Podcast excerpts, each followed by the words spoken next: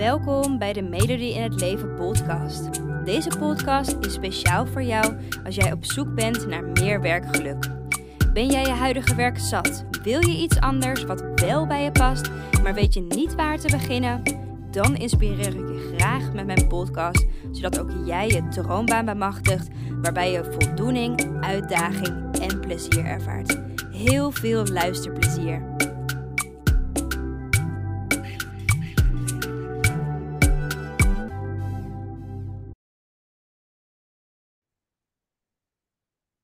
Hey, superleuk dat je weer luistert naar een nieuwe podcast. En vandaag is het een hele bijzondere aflevering. Dus ik ben ook heel erg blij dat je luistert naar deze podcast. Het is namelijk podcast 100 uh, van mij. Dus dat vind ik superleuk. En um, ja, deze podcast gaat sowieso een hele gaaf podcast worden. Want ik ben niet alleen.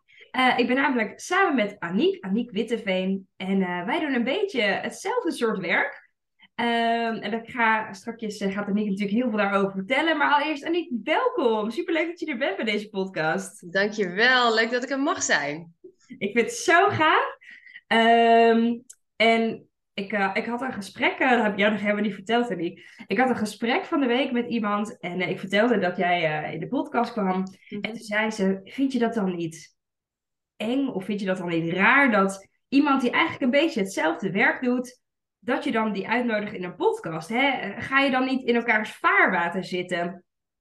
En um, nou ja, mijn reactie was daarop nee, dat vind ik juist echt superleuk. Um, ik weet dat wij het hier ook wel eens eerder over hebben gehad. Hoe is dat voor jou om dan zo samen nu in gesprek te gaan? Ja, ik vind het alleen maar superleuk. En volgens mij zien wij dat ook wel een beetje hetzelfde. Weet je, jij bent echt wel een ander type persoon als ik. We hebben allebei echt wel een andere energie. Dus uh, ondanks dat we gelijke verhalen hebben en dat we het gelijke werk doen, zijn we ook wel echt andere ja, persoonlijkheden natuurlijk. Dus ik denk echt dat dat in elkaars vaarwater zitten. Ja, ik geloof daar niet zo in. Nee. Nee, nee ik ook niet. Dus laten we gewoon lekker uh, deze podcast uh, zoveel mogelijk tips van, van beide kanten geven. Ja. Hey, en um, ik kan me voorstellen dat de dames die luisteren naar mijn podcast en die denken: hé, Aniek, wie is dat? Ja. Um, kan je wat meer over jezelf vertellen en wat doe je en hoe ziet dat er allemaal uit? Um, ja, deel ons wat meer over jou. Ja, dat uh, kan ik zeker. Nou, je vertelde al, wij doen een beetje hetzelfde werk. Hè? Ik help ook uh, mensen met werktwijfels die uh, een baan hebben en denken: holy shit, ik vind het helemaal niet meer leuk. Maar wat wil ik dan nu wel en wat past er dan nu eigenlijk bij mij? Um, en die heel erg zoekend zijn in die grote, ja, wat wil ik nu vraag, zeg maar. Een beetje het gevoel hebben dat ze vastzitten in hun baan en daar niet echt stappen in kunnen zetten. Um, dus dat is wat ik doe. En ik geloof daarin heel erg dat het heel belangrijk is dat je jezelf gewoon vooral goed kent. Dus dat je uh, bewust wordt van bepaalde dingen, dat je jezelf in zich uh, vergroot. Dus dat je weet waar je goed in bent, waar je energie van krijgt, waar je je voldoening uit haalt. Dat soort dingen. En op het moment dat je dat weet, dan kun je eigenlijk de brug slaan naar actie nemen en echt gaan onderzoeken, oké, okay, welke banen zijn er nu die daarbij passen. Dus heel erg vanuit je persoonlijkheid kijken, zeg maar. Ja, mooi. Mooi. Ja. Hey, en um, ik kan me ook wel voorstellen dat dames die nu luisteren, dat ze echt denken, oké, okay, gaaf, klinkt goed. Maar hoe, hoe ben jij er dan destijds achter gekomen dat dit is hetgene is wat je wil doen? Ja, nou ja, ik heb zelf een periode gehad dat ik echt dacht, uh, kut, ik vind het helemaal niet meer tof hier op mijn baan. En uh, ik, ik heb uh, maatschappelijk werk en dienstverlening gestudeerd. Um, en tijdens mijn jaarstage, ik, deed mijn jaarstage in een crisisopvang. En dat was op het begin heel leuk. Ik mocht daar daarna ook blijven werken. Um, het was destijds crisis, dus de banen lagen niet voor het oprapen. En zeker als jonge hulpverlener kwam je niet zo makkelijk aan een baan. Dus het was een heel mooie kans voor mij.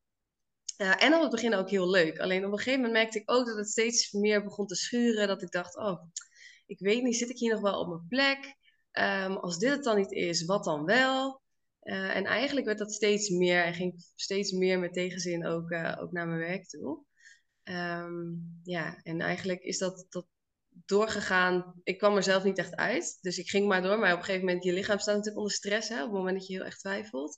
Ja. Uh, dus ik had daar ook last van. Elke dag hoofdpijn en dat soort dingen. Kort lontje.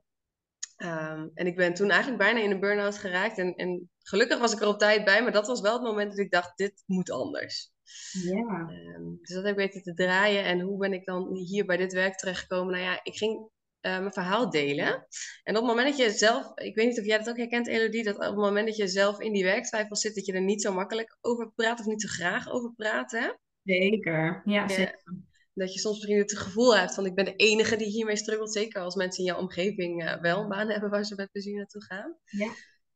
Um, dus toen ik eruit was, toen ging ik eigenlijk vaker mijn verhaal delen. En toen hoorde ik heel vaak dat mensen zeiden, oh dat is echt heel herkenbaar. Ik heb dat ook en ik weet ook niet wat ik ermee moet. En toen dacht ik, oh ja, misschien kan ik hier wel wat mee. Uh, vanuit mijn eigen ervaringen, maar natuurlijk ook omdat ik al in de hulpverlening zat. Ik vond het al heel leuk om mensen te helpen. Dus eigenlijk sloot dat heel erg mooi bij elkaar aan. Ja. Dus zodoende eigenlijk. Ik ben wel benieuwd, want hey, ik hoor je zeggen van... Um, je bent je verhaal gaan delen. Maar mhm. ben jij destijds die verhaal gaan delen op het moment dat je dus, hè, dus eigenlijk vast zat in je werk? Of, of was dat iets later? Um, nou ja, tijdens, uh, tijdens mijn werkdip ook wel. Maar dat was echt wel meer met het idee, oh, ik weet het niet, help mij, zeg maar. En een soort van adviesvragen. En ik denk dat dit een hele grote valkuil is. ja, Voor mensen die, die twijfelen, want je bent natuurlijk heel erg op zoek naar een antwoord. En als jij het niet kunt vinden, dan hoop je maar dat iemand anders het je kan geven. En, en zeker als het dan iemand is die jou goed kent, dan hoop je nou dat zij het uh, gouden ei voor je hebben, zeg maar. Ja. Um, dus dat was toen maar eigenlijk na, na mijn werk, dit kon ik gewoon meer vertellen over, oh ja, ik heb zo'n periode gehad dat ik het allemaal even niet zo goed wist. En uh, ik ben er nu uiteindelijk uitgekomen. Dus dan was het meer, ik was eruit, zeg maar. Dus ik had niet meer dat adviesstukje nodig, wat ik in mijn werkdip eigenlijk wel een beetje behoefte aan had. Snap je? Dus dat, dat, dat verschilde wel. Ja, ik ben wel benieuwd, want je zegt eigenlijk hè, ontstond dat dan dus later. Maar mhm. hoe heb jij dan, uh, laat maar zeggen, die, die, die rust in je gevonden? Want had je, als je een keuze gemaakt naar ander werk? Of hoe, hoe is dat dan toen verlopen? Je bedoelt toen ik na die werkdip, toen ik er een beetje uitkwam? Ja, precies, ja. Um, nou, toen um, uh, kwam er eigenlijk een kans voorbij bij mijn werkgever om gedetacheerd voor een andere werkgever te werken. Dat was dan voor een half jaar. Oh ja. Um, dus dat was eigenlijk een mooie kans. Want dan hoefde ik nog niet helemaal de veiligheid op te geven van die vaste baan. En ik, ik weet zeker dat er mensen luisteren die dit herkennen. Dat het opgeven van die veiligheid, dat is best wel een dingetje. Um, dus ik kon eigenlijk binnen die veiligheid wel iets anders gaan doen. Ja. Um, dus dat ben ik gaan doen. En toen kreeg ik eigenlijk. En dat is wel grappig, want ik, ik zag. Ik was zo aan het twijfelen ook weer over: moet ik dit gaan doen of moet ik dit niet gaan doen? Um, en um, uh, dat, dat, ja, ik had heel veel belemmerende overtuigingen daarover. Maar uiteindelijk ben ik het toch maar gaan doen. Omdat ik dacht, ja, weet je, als het niks is, kan ik altijd weer terug. Ja. Maar toen kwam ik eigenlijk op een baan, bij een baan terecht die heel goed aansloot bij mij. En waar ik uh, ook echt mijn kwaliteit in kwijt kon. Waar ik heel veel energie uit haalde. Dus dat was de eerste keer dat ik dacht, oh, je kunt na een weekend gewoon zin hebben om te gaan werken. Of na een vakantie denken, oh, leuk, ik ga weer naar, naar het werk, zeg maar. Ja, precies. Dus, uh, ja. Ah, vandaar. Ja. ja eigenlijk heel, erg, heel leuk dat je dat zo zegt. Van, want ik weet nog heel goed dat toen ik zelf ook vast zat in mijn werk. Mhm. Dat ik me dat gewoon, dat ik daar totaal geen voorstelling bij kon maken. Dat mensen inderdaad zin hadden om naar het werk te gaan. En oh, nou, ik weet nog dat ik dan op zaterdag al dacht: oh my god, morgen is het zondag. En dan is het de laatste dag dat ik vrij heb. En dan, yeah. is het daarna weer maandag. En mijn vader die, uh, die hield echt van, heel erg van zijn werk nog steeds. Hij vindt het echt fantastisch. En ik dacht op een gegeven moment echt dat hij een soort van toneelstuk aan het opvoeren was. Dat hij dat dan leuk vond. Ik kon gewoon dat niet geloven. Ja, nee. Dat het, zo, uh, dat het toch bestaat. Ja. Hey, en en hoe, hoe heb je dat nu? Ben je, ik had uh, ook voor, uh, voor degene die nu luisteren, ik heb een aantal vragen gekregen van, uh, van dames via Instagram. En een van de van die vragen uh, is ook, zijn er ook dingen die je niet leuk vindt aan je werk? Die vraag heeft Melanie gesteld. Mm -hmm. um, maar ik ben eerst heel, heel benieuwd van, ja, hoe, hoe happy ben jij nu eigenlijk in je werk? Ik ben, uh, ik ben heel happy in mijn werk. Ja, ik vind het echt onwijs leuk. Het is echt wel een uh, passie voor mij. Ik word er heel enthousiast van als ik erover mag vertellen. En ja. um, in die zin sluit mijn baan denk ik heel goed aan bij mijn kernwaarden ook. En ik denk ja. dat dat een hele belang, heel belangrijk uitgangspunt is. Om te kijken, wat zijn nu eigenlijk mijn kernwaarden? Wat is belangrijk in mijn leven? En van daaruit, welke baan past daar dan bij? Ja. In plaats van dat je een baan in jouw leven probeert te proppen, omdat het zo soort van hoort of zo. Juist. Ja, ja volledig mee eens. Ja. ja heb en, jij dat ook zo? Ja, zeker. Ja, zeker. Nou, wat voor mij een van mijn kernwaarden, uh, of tenminste wat ik heel erg belangrijk vind in mijn werk, is ook echt een stukje afwisseling. Mhm. Dus uh, stel nou dat ik, uh, nee, ik vind het coachen hartstikke leuk, maar stel nou dat ik dat, ik heb dat een hele fase gedaan, dat ik het zo druk had met, met iedereen begeleiden, dat ik de hele dag aan het coachen was. Ja. En ehm, ik merkte dat, ondanks dat ik het coachen heel erg leuk vind, dat dat niet voor mij werkte. Mhm. Waarom? Omdat afwisseling iets is wat ik heel erg belangrijk vind en wat ik heel erg nodig heb in mijn werk. Ja. Als ik de hele dag hetzelfde aan het doen ben, ehm, ja, dan word ik daar gewoon ongelukkig van. Whatever, wat ik dan ook doe, ondanks dat ik dat eigenlijk een hele leuke taak vind. Ja. Uh, want ik kom zelf uit het onderwijs. Uh, op de basisschool heb ik lesgegeven. Mhm. Ik ben juffrouw geweest. Ja. Um, daar had ik dat ook, dat ik dan vijf dagen lang eigenlijk hetzelfde deed. En daar, daar werd ik heel erg ongelukkig van. Um, en nu, nu ik daarachter ben gekomen, dat is al wel een tijdje geleden dat ik daarachter ben gekomen, maar Mhm. dat pas ik dus nu ook toe in mijn werk, um, zorg ik ervoor dat mijn werkdagen heel erg afwisselend zijn. En dus nu nemen wij een podcast op, uh, maar ik heb straks iemand die ik coach. Daarna ga ik um, nou, nog een artikel schrijven, heb ik nog andere afspraken. Dan ga ik dingen op mijn website optimaliseren. Ik noem gewoon even een aantal voorbeelden. Dus dit is heel, Ja. erg, uh, heel erg afwisselend Ja. Uh, in de werkzaamheden zelf. Um, maar ook in um, mijn werk daarbuiten. Ik doe ook dus niet maar één baan, heel erg bewust. Uh, maar ik combineer banen samen. Dus ik ben ook reisbegeleider. Dus ik wissel ook van locatie heel veel. Um, en sportlesinstructrice. Dus ik ben ook heel erg geregeld in de sportschool te vinden om les te geven. En daar ben ik heel erg achter gekomen in dat proces dat dat voor mij zo belangrijk is. Ja. ja, en hoe fijn is dat dan ook? Hè? Want als je dat dus weet, dan kan je, wat jij nu heel mooi doet, eigenlijk gewoon die afwisseling integreren in je leven, gewoon in je dagelijkse dingetjes. Juist, ja, Ja. absoluut. Ja, absoluut. Ja, en ja. Oh ja, ik wil nog even terugkomen op die vraag. Want Melody die vroeg dus ook van, zijn er ook dingen die je niet leuk vindt aan je werk? Ik ben, ik ben heel benieuwd. Eh, Nou ja, kijk, als je gaat ondernemen, dan eh, komt er natuurlijk van alles ehm, op je af. Eh, en zeker als je ZZP'er bent, alles moet je eigenlijk zelf doen. Weet je, het is niet alleen maar even coachen en mensen helpen, maar je hebt het hele marketingstuk, de sales, ehm, van alles. Eh, nou, als er één ding is waar ik niet goed in ben en wat ik ook echt niet leuk vind, dan zijn het ehm, technische dingen. Dus Ja. software, technische gedoe. ja. Ehm, dus dat is iets wat ik, eh, wat ik minder leuk vind. Ja, weet je, cijfertjes, boekhouding. Ik vind alles leuk waarin ik mijn kennis kan delen en waarin ik mensen kan helpen. En alles wat daar niet helemaal bij aansluit, dat is, is, ja, dat zijn niet mijn favoriete onderdelen. ja. Hoe is dat bij jou? Ja, ik heb dat ook. Nou moet ik zeggen dat, daar, dat ik daar afgelopen... Ik, onderneem, ik heb dit bedrijf nu vijf jaar. Mhm. En ehm, zeg ik dat goed? Ja, zoiets. En ehm, ik merk dat daar wel een verandering ook in komt. Dus dat is wel heel interessant om op te merken. Want eerst had ik dat ook, dat ik echt dacht, oh, ik vind nou ja, advertenties doen, ehm, vind ik verschrikkelijk. Dat besteed ik ook echt allemaal uit.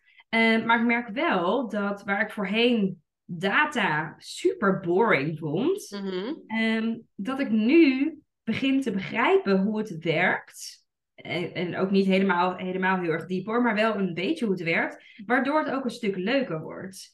Ehm, maar natuurlijk heb ik ook dingen die ik niet leuk vind aan mijn werk hoor. Ik, ehm, ik vind het bijvoorbeeld, ja, nou ja, wat ik al zei, als ik het te druk heb met coachafspraken, Mhm. dan wordt het voor mij niet, is het niet meer leuk. Ehm, hoe je inderdaad eh, standaard e-mails kan sturen. Dat noem in de ondernemerswereld eh, funnels maken. Ehm, en dat optimaliseren, ja, vind ik eigenlijk ook niet leuk. Ja, Ehm, ja, herkenbaar. dus maar ik merk wel dat, ehm, dat het ondernemerschap heeft zo... Ik vind dat zo fijn om dat zelf in hand te hebben. Want alle dingen die ik niet leuk vind, die besteed ik zoveel mogelijk uit. Mhm. Waardoor ik vooral tijd besteed aan alle dingen die ik wel leuk vind. En je dus Mhm. eigenlijk, wat je net ook al benoemde, eigenlijk zelf je functie creëert. Hè? Die in elkaar zet, kneedt. eh, Mhm. Dat je eigenlijk wel met plezier nou ja, naar je werk gaat. Althans, ik denk wel. Ja, heerlijk is dat, hè? is echt super fijn. Hey, en ehm, eh, mijn follow, eh, volgers die kennen jou misschien niet. Je hebt natuurlijk al wel een beetje verteld over wie, wat, je, wat je doet en zo. maar kun jij eens wat meer vertellen over de tijd dat jij heel echt twijfelde aan je werk? Hoe zat dat eruit? Hoe ben je daaruit gekomen? Ja, nou ja, ik zei, vertelde net al, ik kom zelf uit onderwijs. Mhm. En um, ik ja, ik moet eerlijk zeggen dat ik nooit heb gedacht dat ik echt juf wilde worden. Ik vond, op de basisschool vond ik juffen echt de meest verschrikkelijke mensen. Um, maar uiteindelijk, ja, ja ik, uh, ik wist gewoon niet wat ik wilde worden. En ik heb toen gewoon heel erg random een keuze gemaakt. Ik, ik dacht van, uh, nou ja, oh, de Pabo is wel creatief. En de kinderen vinden mij wel aardig. Weet je, prima, ik start die Pabo. Um, en de Pabo was ook heel erg leuk. En ik vond eigenlijk het lesgeven ook heel erg leuk. Dus ik heb het gewoon afgerond en ik dacht echt, nou, ik heb gewoon, ja, I don't know how, maar ik heb gewoon een goede keuze gemaakt. Um, maar helaas, na een aantal jaar dat ik in het onderwijs werkte, bleek dat niet zo te zijn. Dus ik heb gewisseld van scholen, ik heb gewisseld van klassen, ik heb gewisseld van soort onderwijs. Uh, maar eigenlijk was het gewoon het fundament van het onderwijs dat niet goed bij mij paste. Mhm. Ehm, en toen kwam ik inderdaad ook echt in zo'n echt in zo'n put of een diep dal terecht van ja, ik weet dat dit het, niet, dit het niet is, maar ja, dit is de studie die ik gedaan heb, dit is de ervaring en de kennis die ik heb, maar ik heb geen idee wat ik dan wel wil. En dat heeft voor mij ook echt best wel een aantal jaar gekost om erachter te komen wat het dan wel is. En ik heb me heel erg gebrand aan heel veel dingen proberen te doen en heel veel tijd en energie erin steken, maar precies op de verkeerde ja, de dingen had ik de focus. En dus ik ging beroepskeuzetesten doen. Want ja, als je op Google intypt, ik weet niet wat ik wil, dan komt er natuurlijk omhoog poppen, doe een beroepskeuzetest. Ja. Nou ja, dat, uh, ik denk dat we daar allebei mogen concluderen dat dat niet werkt. Nee. Um, er kwam echt bij mij uit dat ik ICT'er moest worden. Nou, dat oh. helemaal niet bij mij pas. um, ik had laatst iemand die, die dat ook gedaan had trouwens. En die zei, ik moest circusartiest worden. Oh, wauw.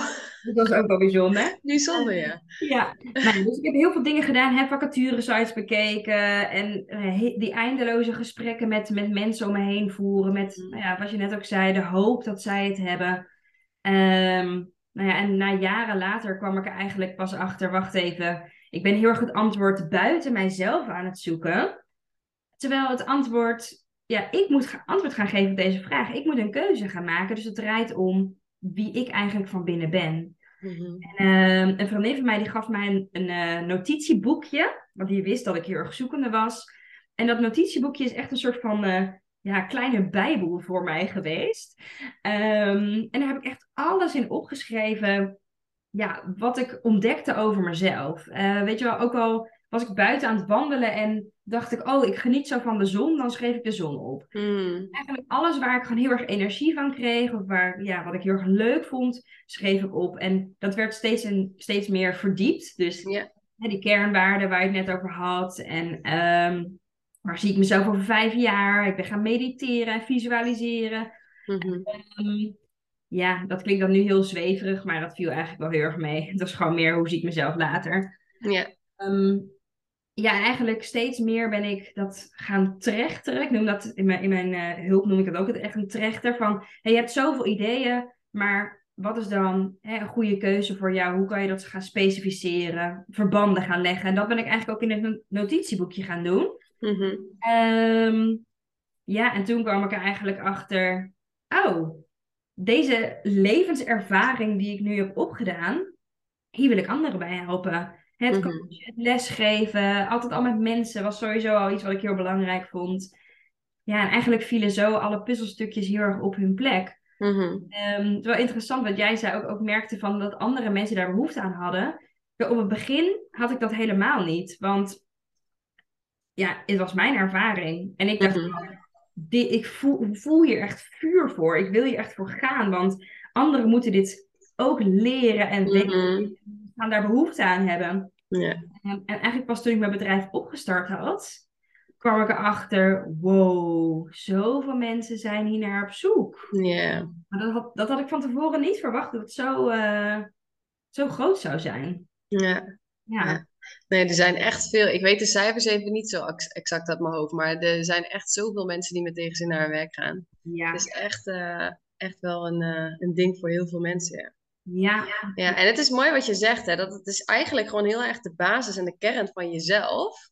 Ja. Ja. Als je er vanuit daaruit, um, ver, kan er zoveel veranderen. Niet alleen je baan, maar ook nog alles daarbuiten, zeg maar. Als jij gewoon weet wat belangrijk voor je is. Uh, als je jezelf daarin kent, je zelfvertrouwen groeit. Ja, ja, dat is absoluut. echt. Dat maakt het ook zo, zo waardevol, denk ik, om daar gewoon je tijd, je energie uh, in te steken. Ja, precies. Ja. Maar mooi, want jij bent er dus gewoon in je eentje, heb jij die verbanden kunnen leggen en ben jij daar uitgekomen? Nou, ik had, merkte wel dat ik. Uh, op een gegeven moment merkte ik dat ik een beetje vast daarin liep. Dus ik had dat notitieboekje en ik was verbanden aan het leggen, maar ik merkte ook van ja, ik mis dingen of zo. Of, of ik, ik, zie bepaalde dingen niet. Ik noem dat zelf altijd een soort van blinde vlekken. Hè? Dat je, ja. je ziet het gewoon niet. En dat komt omdat we, onze hersenen zijn heel erg gemaakt dat we eigenlijk rondjes draaien. Dus we hebben continu dezelfde soort gedachten en die draaien we steeds maar af. Mm-hmm. Um, en dat merkte ik dus ook in dat notitieboekje. Dus op een gegeven moment heb ik, ja, dat is niet de manier die ik altijd aanraad, maar dat is wel hoe ik het heb gedaan. Heb ik verschillende mensen om me heen benaderd.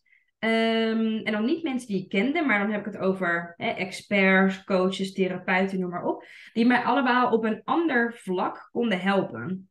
Dus ik was heel erg op zoek naar hulp, want ik merkte, ik loop vast. Ik heb die blinde plekken.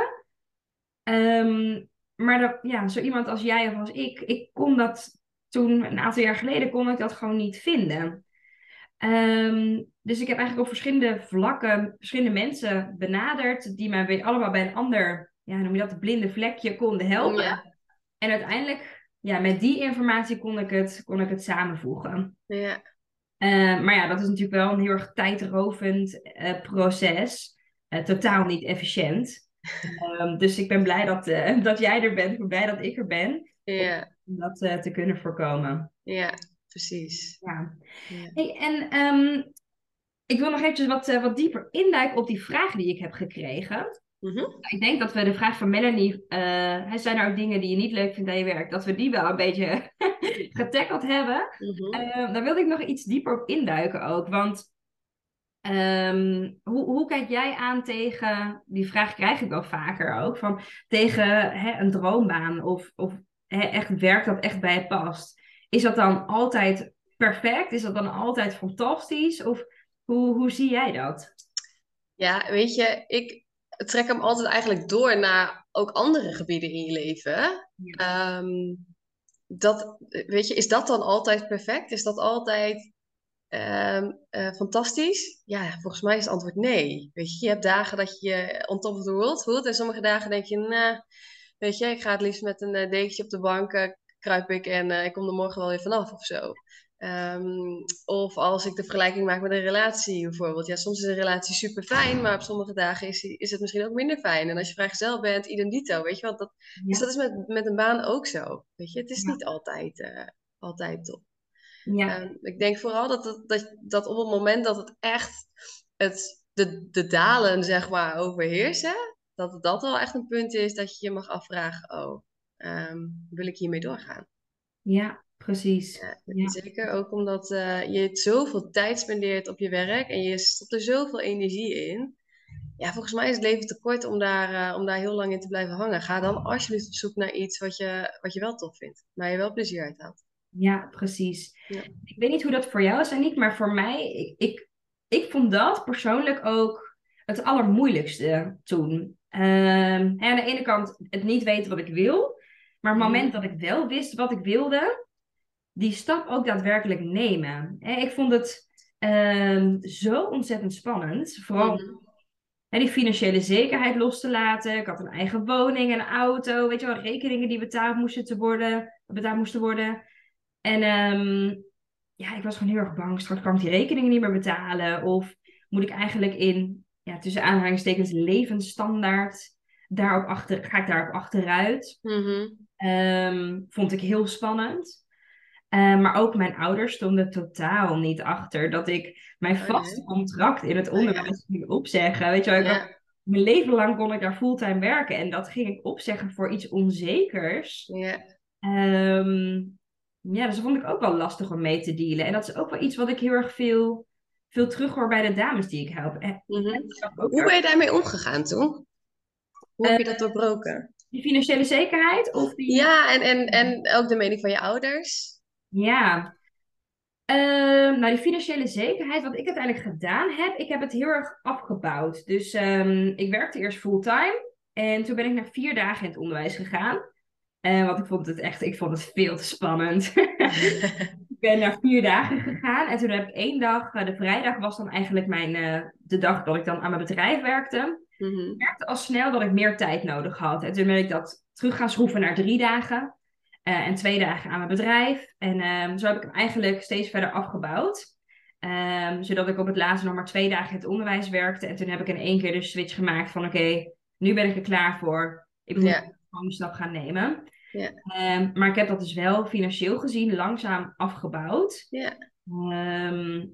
Ik, ik denk eigenlijk dat dat voor heel veel mensen een hele goede manier is ook. Weet je, het is niet zo dat je direct maar alle schepen achter je moet verbranden en zomaar hoppakee in de diepe hoeft te springen. Je kunt het ook ja. gewoon langzaam aandoen zoals jij dat hebt gedaan. Ja, en dat is ook wel, met, met het hebben van een eigen bedrijf, is ook wel vaak de manier die ik inderdaad wel aanraad. Ja. Um, als je het zo spannend vindt, ja, neem niet die stap in één keer. Want nee. en ook met een bedrijf, je hebt zoveel om van tevoren aan te gaan werken. Um, voordat je echt klaar bent om nou ja, het diepe in te duiken. Dus dat het een hele fijne manier is. Ja. En, um, en met de mening van mijn ouders. Ja, het is wel heel erg mooi. Ik heb, uh, ik heb um, voor de mensen die mij volgen, die weten dat wel. Mensen die jou nog niet volgen, of jou volgen en mij niet, weten dat misschien niet. Maar ik heb ook een boek geschreven. Mm -hmm. En um, uh, die is uh, vorig jaar november, oh, die is nu precies een jaar geleden, heb ik die, uh, is die uitgekomen. Ja. Ik ben er zo klaar mee, heet die toch? Ja, ik ben er zo ja. klaar mee, heet die. Okay. Ja. ja. En ehm, mijn vader was echt mijn number one fan. Die, die, ja, die was zo trots op mij. Die heeft echt gewoon bijna een traantje gelaten van trots. Oh. En um, toen moest ik ook echt denken op die boekpresentatie van, moet je nagaan, een paar jaar geleden. Toen zei je, dit moet je niet doen. En je gooit, je gooit van alles weg. En nu, ja, zie, je, ja, zie ik gewoon dat je totaal anders erin staat. Ja. En uiteindelijk ben ik daar denk ik mee omgegaan, omdat ik dat dus ook langzamerhand heb afgebouwd. Mm-hmm. Dat mijn ouders daar ook langzamerhand aan konden wennen van, oké, okay, het gaat goed. Oh, ze krijgen klanten. Um, ja. ja, dat ze ook konden zien van dat ik dit niet hals over kop deed, maar dat het iets was waar ik echt motivatie voor had. En um, ik ben ook daarover wel ook het gesprek ook over aangegaan van... Mm-hmm. Ja, uiteindelijk moet ik toch ook iets doen wat ik leuk vind. En ik vind het niet leuk meer. Ik word, hier, ik word van het werk wat ik nu doe niet gelukkig. Uh, en ik krijg daar wel energie uit. Mm. Uh, dus ik ga, ja, best wel hard ben ik toe geweest. Van ja, ik ga dat gewoon stap voor stap ga ik dat gewoon proberen. En werkt het niet, ga ik altijd nog terug in het onderwijs. Yeah. Ja. Want het is ook niet zo, hè, dat hoor ik ook heel vaak, van oh ja, maar als ik dan er eenmaal uit ben, dan kan ik nooit meer terug. Nee. Nee, natuurlijk kan dat wel. Ja. ja, en ik denk dat dat wel een mooie toevoeging is. Want we hebben het nu natuurlijk over van loondienst naar ondernemen gaan. Maar als je van loondienst naar loondienst gaat, dan kun je niet zomaar iets gaan afbouwen. Vaak is het dan, hè, je contract loopt af en ja. je gaat ergens anders weer starten. Ja. Uh, maar daarin is, is deze mindset inderdaad, denk ik, heel erg belangrijk. Dat je weet, ik kan altijd weer terug. Weet je, dat, dat je waarschijnlijk wil je het niet. Maar nee. uh, het is niet een feit dat als jij ergens weggaat, dat je, het dan, dat je er dan nooit meer naar terug kan. Nee, zeker niet. Nee, jij, sterker nog, die stap terugzetten is heel erg gemakkelijk, want je hebt er al ervaring in. Ja. Ja, eh, ja. dus die stap terugzetten is zo gedaan. Ja. En moet ik zeggen dat ik dat nog nooit heb meegemaakt dat iemand. Nee. nee, nee, nee, nee, maar dat is wel, voor mensen kan het soms wel fijn zijn dat je, die, dat is toch een stukje veiligheid. Dat je weet, oh ja, ik kan wel terug. En soms hoor ik dan ook wel eens van mensen dat ze dan zeggen, ja, maar, ja, maar en dan, dan kom ik weer terug. Dat is heel raar, maar ja, ik leg dan ook altijd uit. Weet je, je, hebt het, je, je neemt nu een stap met de informatie die je nu hebt. En als jij dus iets anders gaat doen en je komt erachter dat jouw vorige baan het toch helemaal was, ja. kans is niet zo groot dat dat gebeurt. Maar als het zo is, dan heb je dus weer een nieuw verhaal waarmee je teruggaat en dan kan je het uitleggen. volgens mij is dat het allerbelangrijkste. Precies, ja, dat denk ik ook. Ja, dat denk ik ook. Heb jij. Uh, ik zal je straks vertellen waarom ik dit zo vraag, maar heb jij, heb jij uiteindelijk spijt gehad van iets in het proces dan uh, van, van je carrière switch? Heb ik spijt gehad? Nee, nee volgens mij niet. Nee, want ik denk, weet je, nu terugkijkend denk ik, het is ook echt een proces geweest. En het is ook eigenlijk een heel fijn proces geweest, want ik heb superveel geleerd. Ja. En ehm, wat ik vertelde, hè, ik ben toen van die baan die ik, waar ik mijn werkdip had, zeg maar, naar een detacheringsklus gegaan. Ja. Ehm, die heel erg goed aansloot bij wie, wie ik ben en waar ik goed in ben en zo. Dus daar vond ik het fantastisch. Maar die detachering liep af. En Ah. toen ging ik dus terug naar mijn organisatie waar ik vandaan kwam, in een functie waarvan ik al direct dacht, "Hmm, dit gaat niet aansluiten, denk ik. Ja. Maar ik heb het toen ook echt een beetje als een soort van onderzoek gezien. Ik dacht, ik ga dit gewoon doen en dan ga ik checken of dit inderdaad klopt. Of, of mijn informatie klopt met hoe het ook daadwerkelijk gaat zijn. Nou ja, en dat klopte dus ook. Dus ik zat daar weer niet op mijn plek. En eigenlijk pas in die eh, baan heb ik gedacht, ik ga ondernemen. Want ik had ook allerlei belemmerende overtuigingen over ondernemen. En Ja. over ondernemers. En ik zag mezelf niet zo. Ehm, dus, eh, dus ik heb eigenlijk die baan weer nodig gehad om vervolgens weer een knoop door te kunnen hakken. Ja. Eh, maar ik heb daar niet, niet spijt van. ge- ik heb nooit spijt gehad van dat ik die baan weer ben gaan doen, omdat ik dacht, ja, ik heb het als een onderzoek gezien, zeg maar. Ja, precies. Dus, ja. eh, Dus Jij wel? Heb jij ergens spijt van gehad in je. Nou, ja, ik heb, wel, ik heb wel één ding gehad waar ik spijt van heb gehad, achteraf gezien. Ehm, niet per se dat ik de switch heb gemaakt en hoe, en hoe dat gegaan is. Mhm. Ehm, maar wel hoe ik het aangepakt heb met de baan waar ik toen werkte. En dus ik werkte dus hè, nou, in het onderwijs, ik had collega's.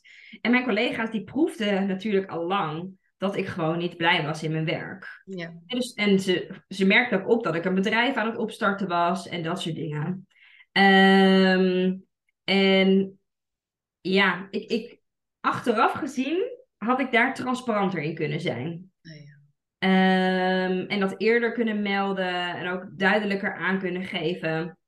En ehm, ja, dat, dat had ik achteraf gezien, had ik dat eerder willen melden. Mhm. Niet dat ik daar, ja, moet ik dat zeggen, eh, negatieve reacties van heb gekregen toen ik ook echt mijn ontslag echt helemaal indiende of zo. Dat, dat totaal niet.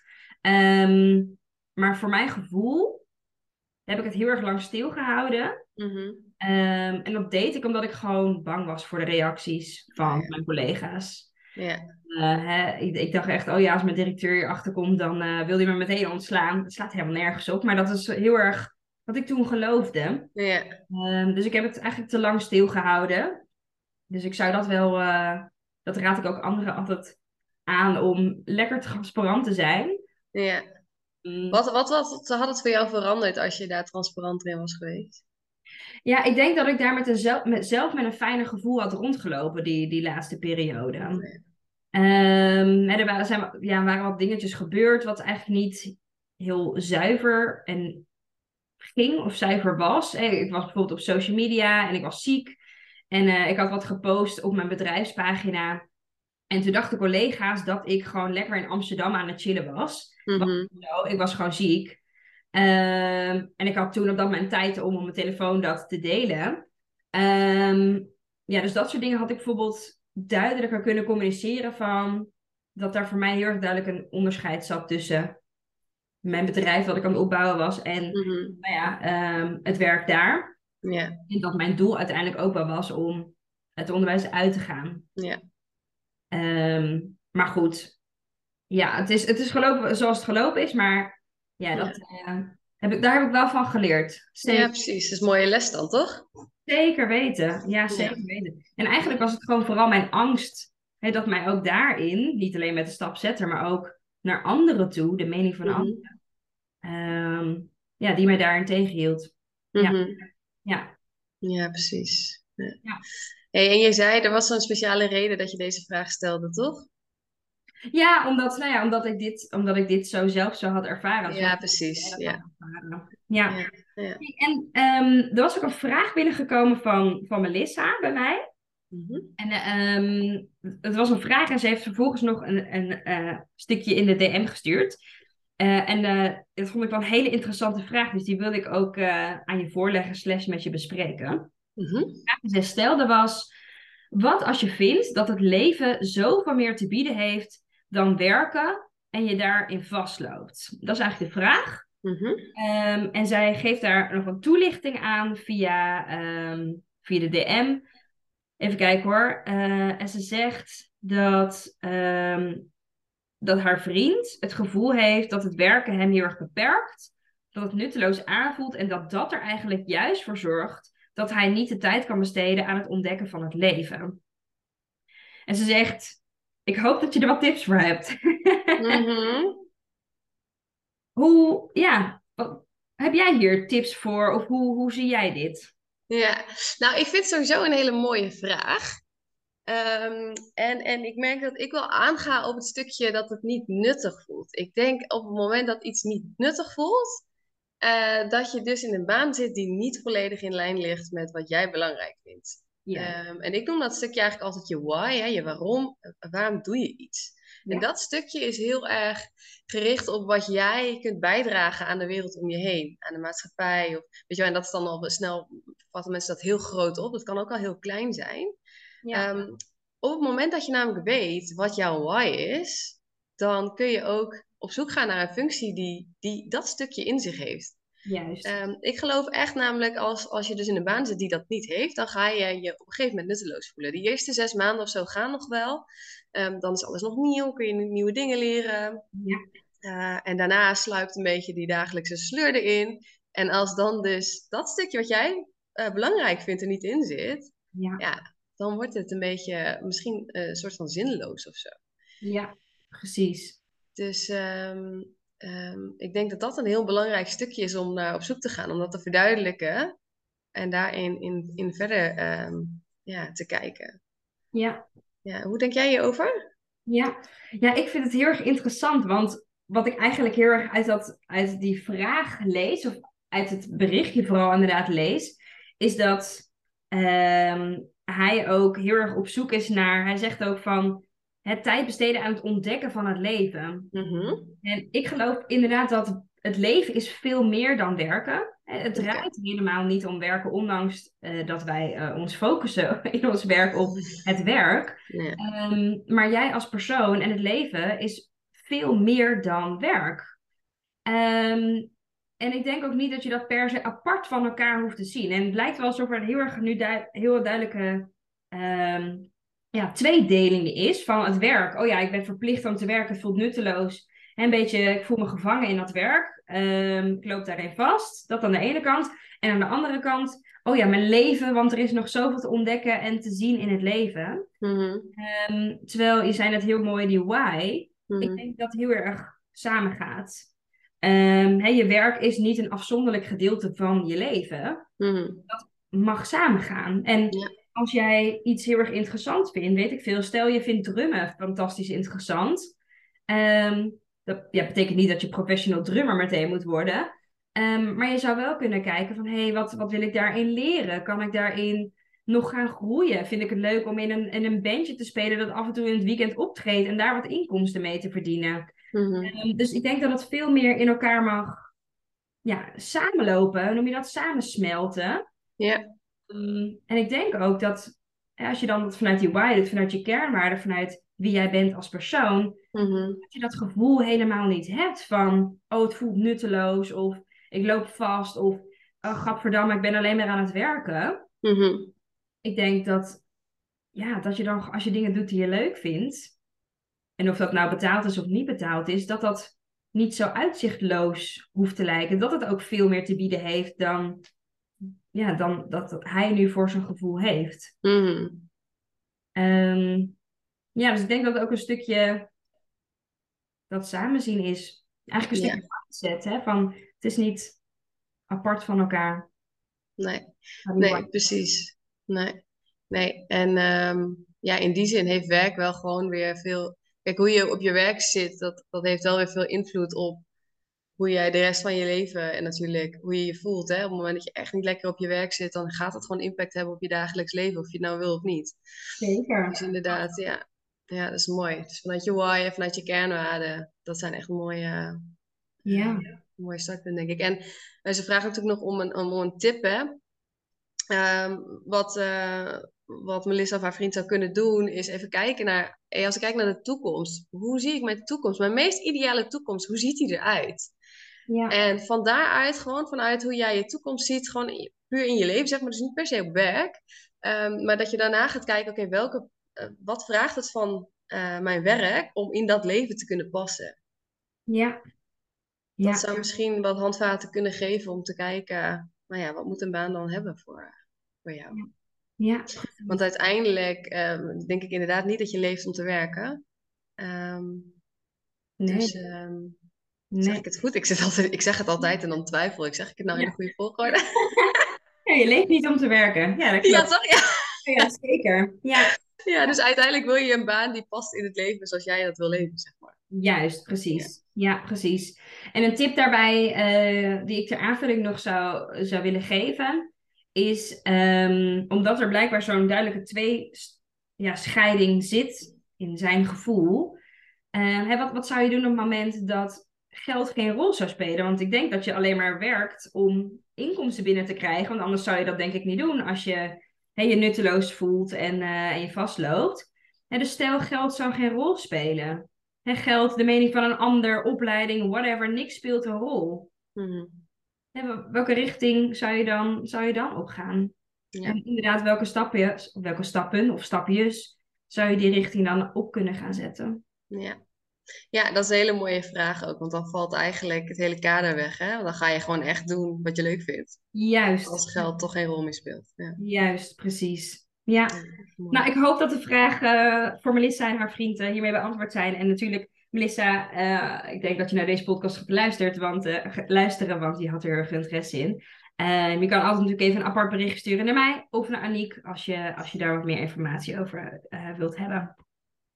Hey, eens even kijken. We zijn alweer lekker lang aan het kletsen. Uh, mm-hmm. Ik heb nog wel een aantal vragen, maar heb jij, heb jij nog uh, vragen waarvan je zegt, die wil ik sowieso nog uh, beantwoorden in deze Nou, ik was wel benieuwd naar wat, wat is voor mij, zeg maar, toen ik in mijn werkdip zat, had ik allerlei gedachten om een soort van te ontsnappen aan die baan die ik niet tof vond.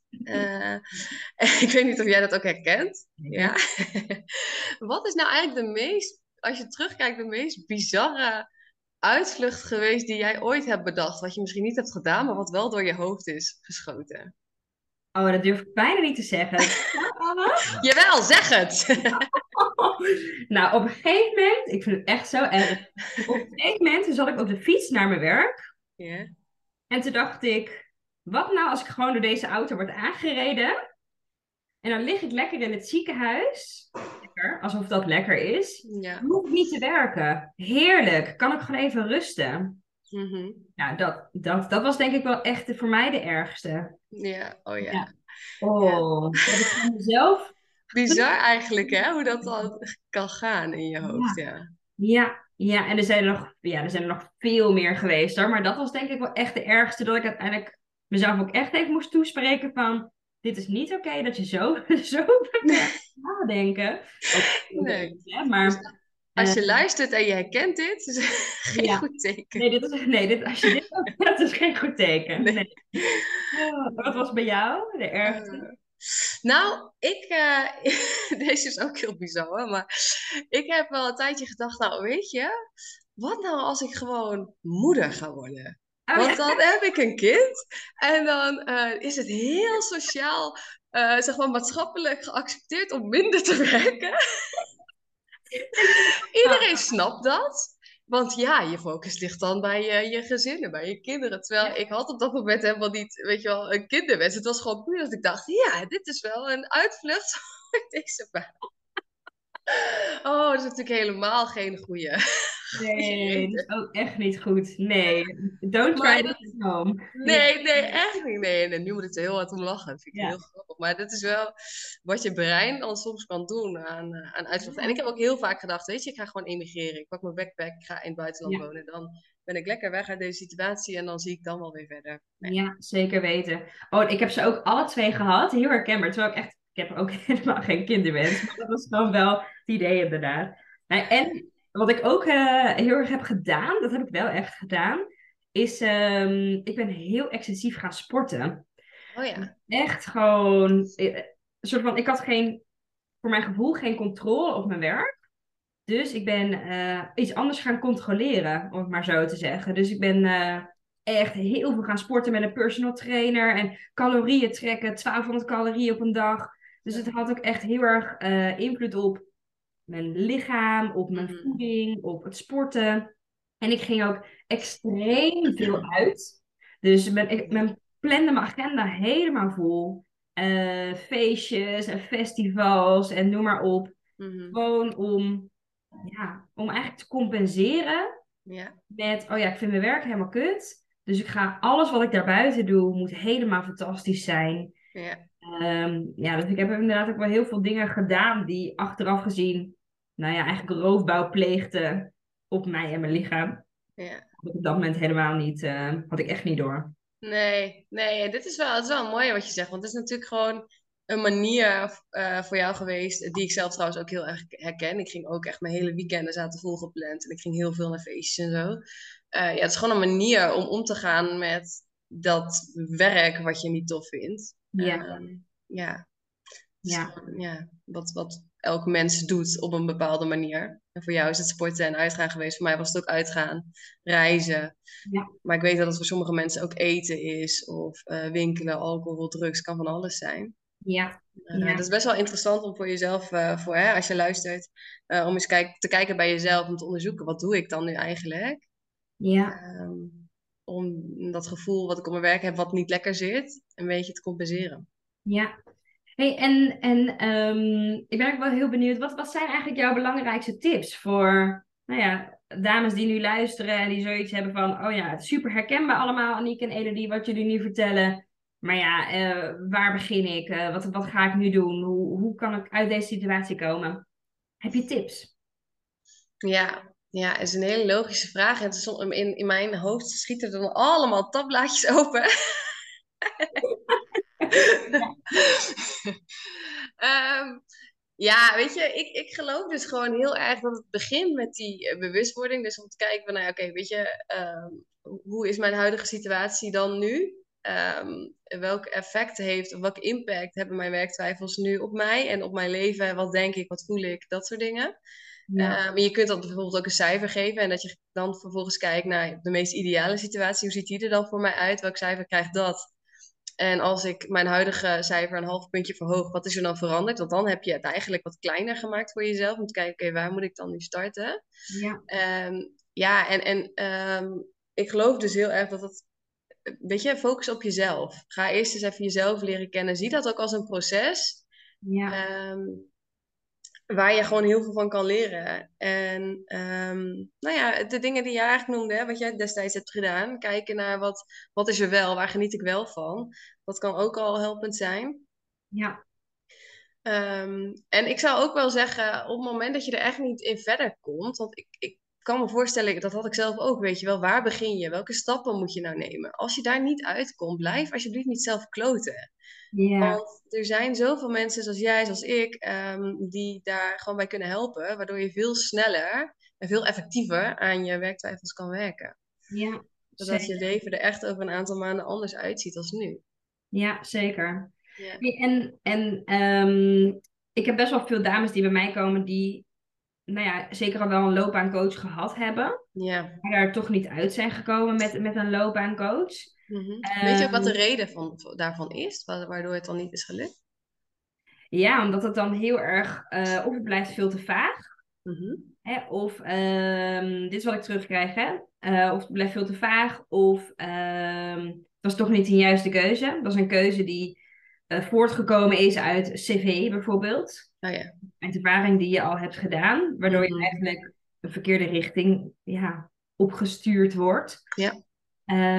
Um, ja, of het wordt, het wordt niet concreet genoeg, het wordt, gaat niet diep genoeg. Het Mhm. gaat niet over wie jij bent als persoon. Dat is wat ik heel vaak terug hoor. Dat het alleen maar gaat over werk en je werkkwaliteiten. En dat jij gewoon niet wordt meegenomen. Ja. Zo, uh, voor mij en voor jou ook, uh, wat ik van je weet en wat ik van je hoor, is daar, dat is eigenlijk de basis. Ja. Als de basis wordt overgeslagen in zo'n traject, dan heb je er niks aan. Nee, nee. En, nee, en dit is denk ik ook wel een valkuil. En dit is wat met beroepentesten natuurlijk ook gebeurt. Je gaat dan zo focussen eigenlijk al op de soort van oplossing wat je moet gaan doen. Ja. Terwijl Als jij nog helemaal niet weet waarom dat een goede beslissing is, en Ja. als je niet kan onderbouwen wa- waarom die functie dan zo belangrijk voor jou is, ja, dan ga je hem niet voelen. Dan, ja, dan, dan is de kans gewoon nog steeds dat je, dat je scheef loopt. Ja, en dat is natuurlijk ook als je gaat focussen op welke werkervaring heb ik, welke opleiding heb ik gedaan.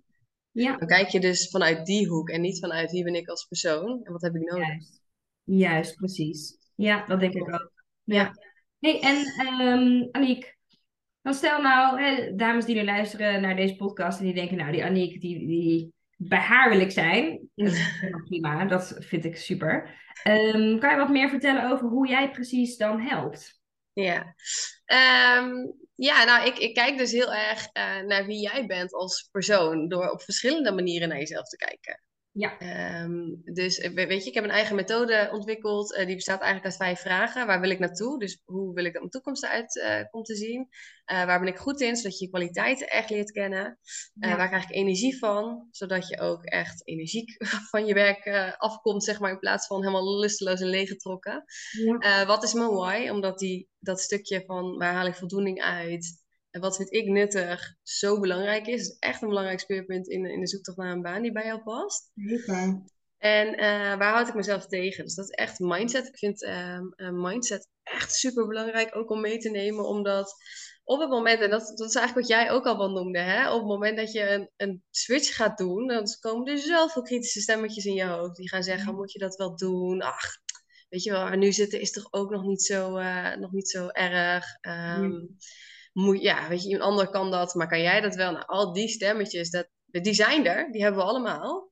Eh, en dat, dat heeft ook een functie, namelijk om jou veilig te houden. Alleen op het moment dat jij iets anders wil, zal je soms die veiligheid toch een beetje los moeten laten. Ja. Ehm, en dan helpt het als je gewoon weet eh, hoe je om kunt gaan met die stemmetjes. Ja. Dus, eh, en, en van daaruit dan toch die acties kunt gaan ondernemen. Dus het zit hem heel erg in bewustwording, weten wie je bent, wat je nodig hebt. Ik maak ook altijd concreet een blueprint van iemand. Hè? Wat kan ik, wie ben ik, wat heb ik nodig, wat wil ik?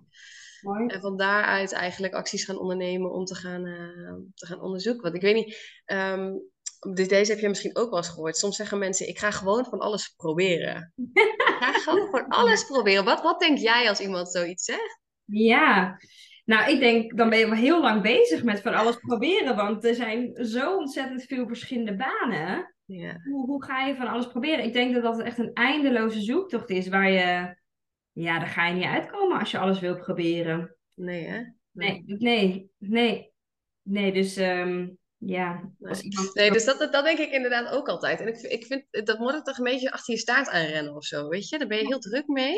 Uh, maar, maar als je geen richting hebt, waar ga je dan eigenlijk naar kiezen? Dus weet je, uh, wat ik zei, die blueprint, dat gaat je gewoon richting geven. Want dan kan je gericht, kan je nog steeds meerdere functies wel gaan, uh, bij gaan kijken of gaan onderzoeken. Maar dat is dan wel al gericht ergens op. Juist, en wat je zegt, en dat is onderzoeken. Dat is Ja. niet meteen, oh, ik ga, ik duik van een ene baan naar een andere baan, hè, als het jobhopper zijnde. Ja, Ehm, dat is iets heel anders, onderzoek. ja, zeker. hey, en hoe pak jij, eh, hoe pak jij dit aan met je klanten?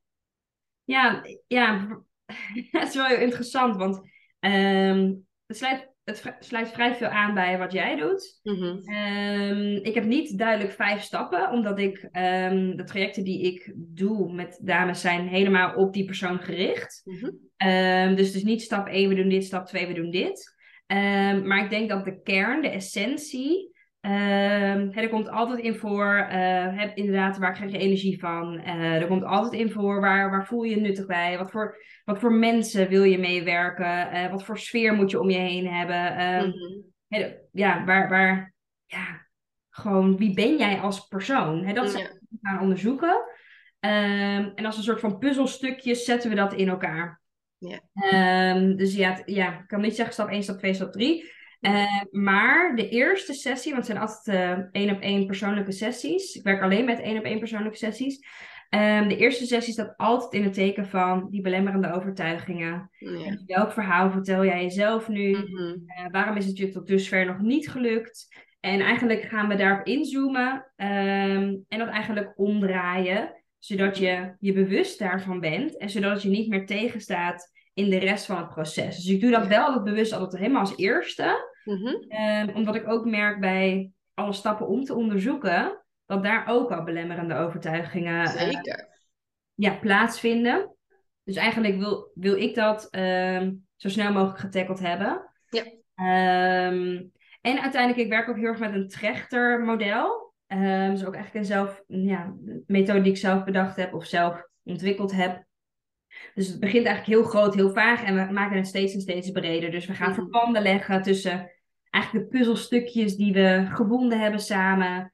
Uh, we gaan kijken wat is heel erg belangrijk, wat is minder belangrijk. Hè? Echt prioriteiten stellen van wat moet er nou echt voor jou in zitten? Wat moet echt de kern, ja, voor, wat moet de kern voor jou zijn? Mm en dus het wordt ook zo concreet gemaakt uiteindelijk, zodat je ook echt wel een keuze kan maken. Hè? Dat je gewoon weet, oké, dit is wie ik ben, dit is wat ik belangrijk vind, dit is waar ik voor sta. Voor sta en deze baan uh, of deze banen uh, passen daarbij. Hè? Zodat je echt een keuze kan maken naar een nieuwe studie, naar een nieuwe baan, een eigen bedrijf, whatever, wat voor keuze dan ook bij jou past. Ja. Of combinatie daartussen kan natuurlijk ook. Ja, zeker. Uh, maar het past uiteindelijk volledig bij jou. Dat is ja. voor mij uh, ja, dan is voor mij echt een traject geslaagd. Ja, precies. Mooi. Ja. ja. Ja, en voor mij werkt het wel in die, zin. We hebben best wel een beetje dezelfde visie ook, hè? Dus het is grappig dat, uh, dat in de werkwijze verschilt het dan een beetje. Maar ja, ik moet zeggen, ik, ik, ik, ik, heb zeg maar mijn methode, maar ik doe daarnaast ook één op één. Dus die mindset, dat, die belemmerende overtuigingen, dat komt eigenlijk vanaf het begin af aan al gewoon. Je gaat jezelf zo snel tegenkomen daarin. Ja, zeker. ja, dus, dus inderdaad. En ik moet zeggen dat in mijn eigen coachingstraject ik dat dat stukje eigenlijk een beetje gemist heb, waardoor ik het in mijn eigen coaching zo belangrijk vind om hem uh, mee te nemen. Ik zeg dat het is een beetje de laatste stap in mijn methode, maar eigenlijk gaat hij ook al vanaf het begin af aan gewoon. In elk gesprek komt het eigenlijk wel weer een beetje terug, hè? De dingen, de, de aannames die je soms doet, het plaatje wat je, wat je hebt in je hoofd, terwijl die misschien helemaal niet klopt met de, met de werkelijkheid. Ja, precies. Ja, ja. mooi. Dat belangrijke. Mooi. Hey, ik kijk even naar, naar de vragen. Um, want kijk, ik had ook de vraag: hoe heb jij de switch gemaakt? Of heb jij een switch gemaakt? Hoe heb je dat aangepakt? Nou, die hebben we denk ik Amber wel voor je beantwoord. Um, hoe heb je de keuze gemaakt om dit werk te gaan doen? De vraag van Danisha hebben we denk ik ook wel beantwoord. Mm -hmm. zijn er dingen die we niet leuk vinden? Nou, ik denk dat mijn belangrijkste vragen wel beantwoord zijn. Karen die vroeg ook nog hoe is het hebben van een eigen bedrijf voor jou? Daar hebben we het denk ik ook wel, uh, wel even over gehad. Mhm. Dus ik denk uh, dat mijn belangrijkste vragen voor nu beantwoord zijn. Mhm. Heb jij nog vragen? we hebben het een beetje gehad over, over de why, hè? Ja. En over hoe belangrijk die is. Wat is eigenlijk jouw why? Wat is jouw... Ja. Oeh. Um, nou, ik zei net al, voor mij is... Als ik, het, als ik het heb over wat ik belangrijk vind in mijn werk, maar ook dus in mijn leven is afwisseling en uitdaging heel belangrijk. Mhm. Ehm, ik volg op dit moment ook twee opleidingen. Mensen verklaren me echt voor gek dat ik dat doe. Maar ik, heb, ik heb dit gewoon nodig. Ik, ik merk als ik, als ik niet mezelf uitdaag, als ik niet mezelf ontwikkel, dat ik gewoon, uh, ja, daar word ik gewoon downig van. ja, wat voor opleidingen doe je? Uh, ik doe een energetisch coachopleiding. Dus ik ben uh, verder aan het specialiseren in de coaching. En ik volg een yoga-docentopleiding. Uh, ja. Ik geef ook sport, eh, les in de sportschool. Dus ik ga daar nu ook yoga bij geven. Um, en um, ja, ik vind het een ontzettend interessant pad. Het is een wat meer spiritueel pad. Um, ik beschouw mezelf, of beschouwde, moet ik goed zeggen, beschouwde mezelf nooit echt als spiritueel. Ik ben super nuchter en super uh, ja, gegrond, noem het maar even zo. Mm maar ik merk dat ik eigenlijk veel spiritueler ben dan dat ik mezelf durfde toe te geven. En yeah. dat ik, uh, ja, ben eigenlijk meer spiritueler bezig. En het heeft wel heel erg mijn interesse. Dus ik vind het gewoon heel erg interessant. Dus niet per se dat ik daar iets in mijn werk verder mee wil of mee moet. Nee. Um, maar het gaat ook heel erg maken. Het gaat ook heel erg over bijvoorbeeld keuzes maken op basis van je gevoel. Ja. Ja, en dat is natuurlijk wel heel erg belangrijk ook in, uh, in die zoektocht. Um, dus groei en ontwikkeling is voor mij echt wel een heel belangrijk speerpunt. Afwisseling is een heel belangrijk speerpunt. Mm -hmm. uh, met mensen, het menselijk contact is een heel belangrijk speerpunt. Ja. Um, dat betekent niet dat ik de hele dag met mensen moet zijn, maar wel dat ik echt me nuttig wil. Ja, ik voel mij nuttig als ik mensen kan helpen. Uh, dus echt mensen is een belangrijk speerpunt. Ja. Als, als, ik, als ik er drie mag noemen, zijn dat voor mij wel echt de drie, uh, drie belangrijkste. Mooi. En bij jou? Ja, heel cool. Um, Ja, ik vind ook, uh, persoonlijke ontwikkeling is voor mij ook enorm belangrijk. En uh, waar ik ook wel steeds meer achter kom, is hoe belangrijk ik een soort van persoonlijk leiderschap, zelfregie vind. Ja. Uh, en eigenlijk had ik heel lang niet door dat mijn werktwijfels, dat ik toen heel weinig zelfregie ervaarde. Ja. Omdat ik zo vast zat en dacht, ik kan niks of zo. Terwijl je hebt altijd een keuze, je kunt altijd kiezen voor iets anders. Dat is in ieder geval wat ik heel erg geloof. Ja. Um, en om voor jezelf te kunnen kiezen, is het gewoon belangrijk dat je weet wat jij wil. Zodat jij ook kunt kiezen voor jou, eh, zonder je te laten beïnvloeden door alles wat er buitenaf gebeurt. Ja, zeker. Dus uh, ik denk dat dat eigenlijk wel een stukje is wat ik uh, ook toen ik nog in de hulpverlening werkte en nu in de coaching, dat ik dat heel belangrijk vind om mensen mee te geven. Ja. Dus echt te durven kiezen voor jezelf. Ja. Um, ja, en daar stappen dan in te, te zetten. Ja, en dus dat je eigenlijk gewoon een autonoom individu wordt. Hè? Ja. Zelf keuzes maken over, nou ja, alles. Ja, precies. En dat je dus ook gewoon het zelfvertrouwen hebt om dat te kunnen doen. En daarin ook het vertrouwen voelt ehm, ja, om te kiezen voor jezelf. Ja. En dat, dat is voor mij echt wel een belangrijke. Ja, en ik weet niet of jij dat zo ervaart, maar ik wel. Op het moment dat je zelf die keuzes maakt over wat je Mhm. wil en, en wat je gaat doen, dan komt er een partij rust. Ja, ja, ja.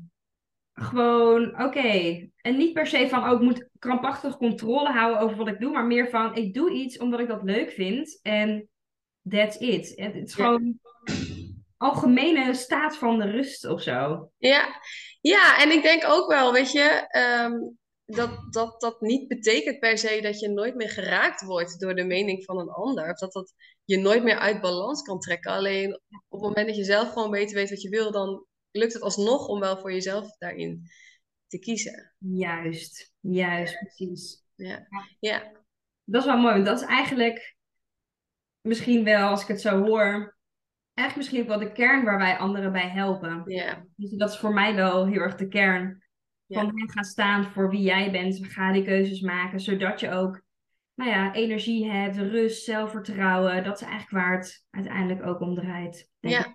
ja, en dat is ook wel soms wat als ik dan mensen hoor die al tien jaar in een baan zitten, die ze niet leuk vinden en daar toch in blijven hangen en er Ja. zelf niet uitkomen, maar ook de, de hulp niet aandurven gaan, dan denk ik wel eens, oh, weet je wel, wat zonde, ja, Ja, zonde of zo, of ja, in ieder geval ja. Ik denk, het kan zo anders. het kan zo anders. Ja, als je jezelf dat maar gunt. Dat is Precies. echt de eerste En stap. als je het aangaat, hè? Ja, Ondanks dat je het misschien spannend vindt, maar juist, juist.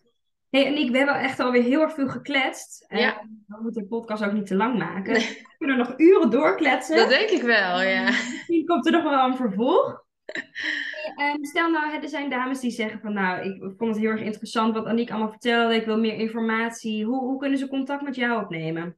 Nou, ik ben sowieso te vinden op eh, de social media kanalen. Dus op eh, Instagram, Aniek underscore Witteveen. Ehm, op Facebook kun je me vinden, op Spotify. Eh, ik zal deze podcast daar ook plaatsen, maar daarin vind je ook nog andere afleveringen. Ehm, mijn website zou je kunnen bezoeken, www.aniekwitteveen.nl. En ik geef maandelijks mijn eh, gratis masterclass van takkenbaan naar topjob. Dus die is ook, eh, die kan je ook zeker volgen. Ehm, dus ja, dat zijn mijn kanalen. En wat zijn die van jou? Hoi. Nou, ik, eigenlijk fantastisch. Is heel leuk. Eigenlijk dezelfde kanalen. Eh, Ja. ik ben vooral eh, heel erg duidelijk te vinden via Instagram. Je vindt me onder Melody in het Leven. Dat schrijf je m.elodie in het leven. Ik heb ook een podcast. Nou ja, die heb je waarschijnlijk gevonden, denk ik. Daar heet ik ook Melody in het leven. Zo heet namelijk mijn bedrijf. Eh, mijn website www.melodyinhetleven.nl Ehm ja, en kijk vooral ook ehm, op bol.com bijvoorbeeld om een boek te checken. Dus het boek heet Ik ben er zo klaar mee. Eh, mijn naam is Elodie Blom.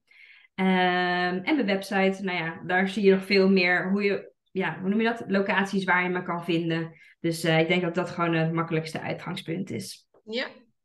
Ik eh, ga je ontzettend bedanken voor deze podcast. Ja, jij ook heel erg bedankt. Wat een eer dat ik in jouw honderdste aflevering mocht zijn. Yay! nou, als podcast 200 is... Nee, grapje. Dan moet Ja, ja, Nee. ja. ja. Hey, en ehm, als je helemaal tot het einde geluisterd hebt, dan wil ik jou natuurlijk ook heel erg bedanken voor het luisteren naar deze podcast. Ik hoop dat je er eh, inspiratie, tips, energie uit hebt gehaald. Herkenbaarheid ook vooral een stukje. En uh, ik zou zeggen, neem vooral contact op met uh, Aniek of met mij als je meer informatie wilt. Of uh, als je nog een vraag wil stellen. Want er komt denk ik zeker wel nog een vervolg. Um, voor nu ga ik je een hele, hele fijne dag wensen. En ik hoop je weer te mogen inspireren bij een volgende podcast. Doei doei! Doei! Dankjewel voor het luisteren. Ik hoop dat ik je heb mogen inspireren om jouw droombaan achterna te gaan, waarbij je meer voldoening, uitdaging en plezier ervaart. En elke woensdag staat er een nieuwe podcast online, dus hou dit vooral in de gaten. En wil je vaker tips en inspiratie ontvangen? Volg mij dan ook op Instagram onder de naam van Melody in het Leven en ik help je graag verder. Fijne dag!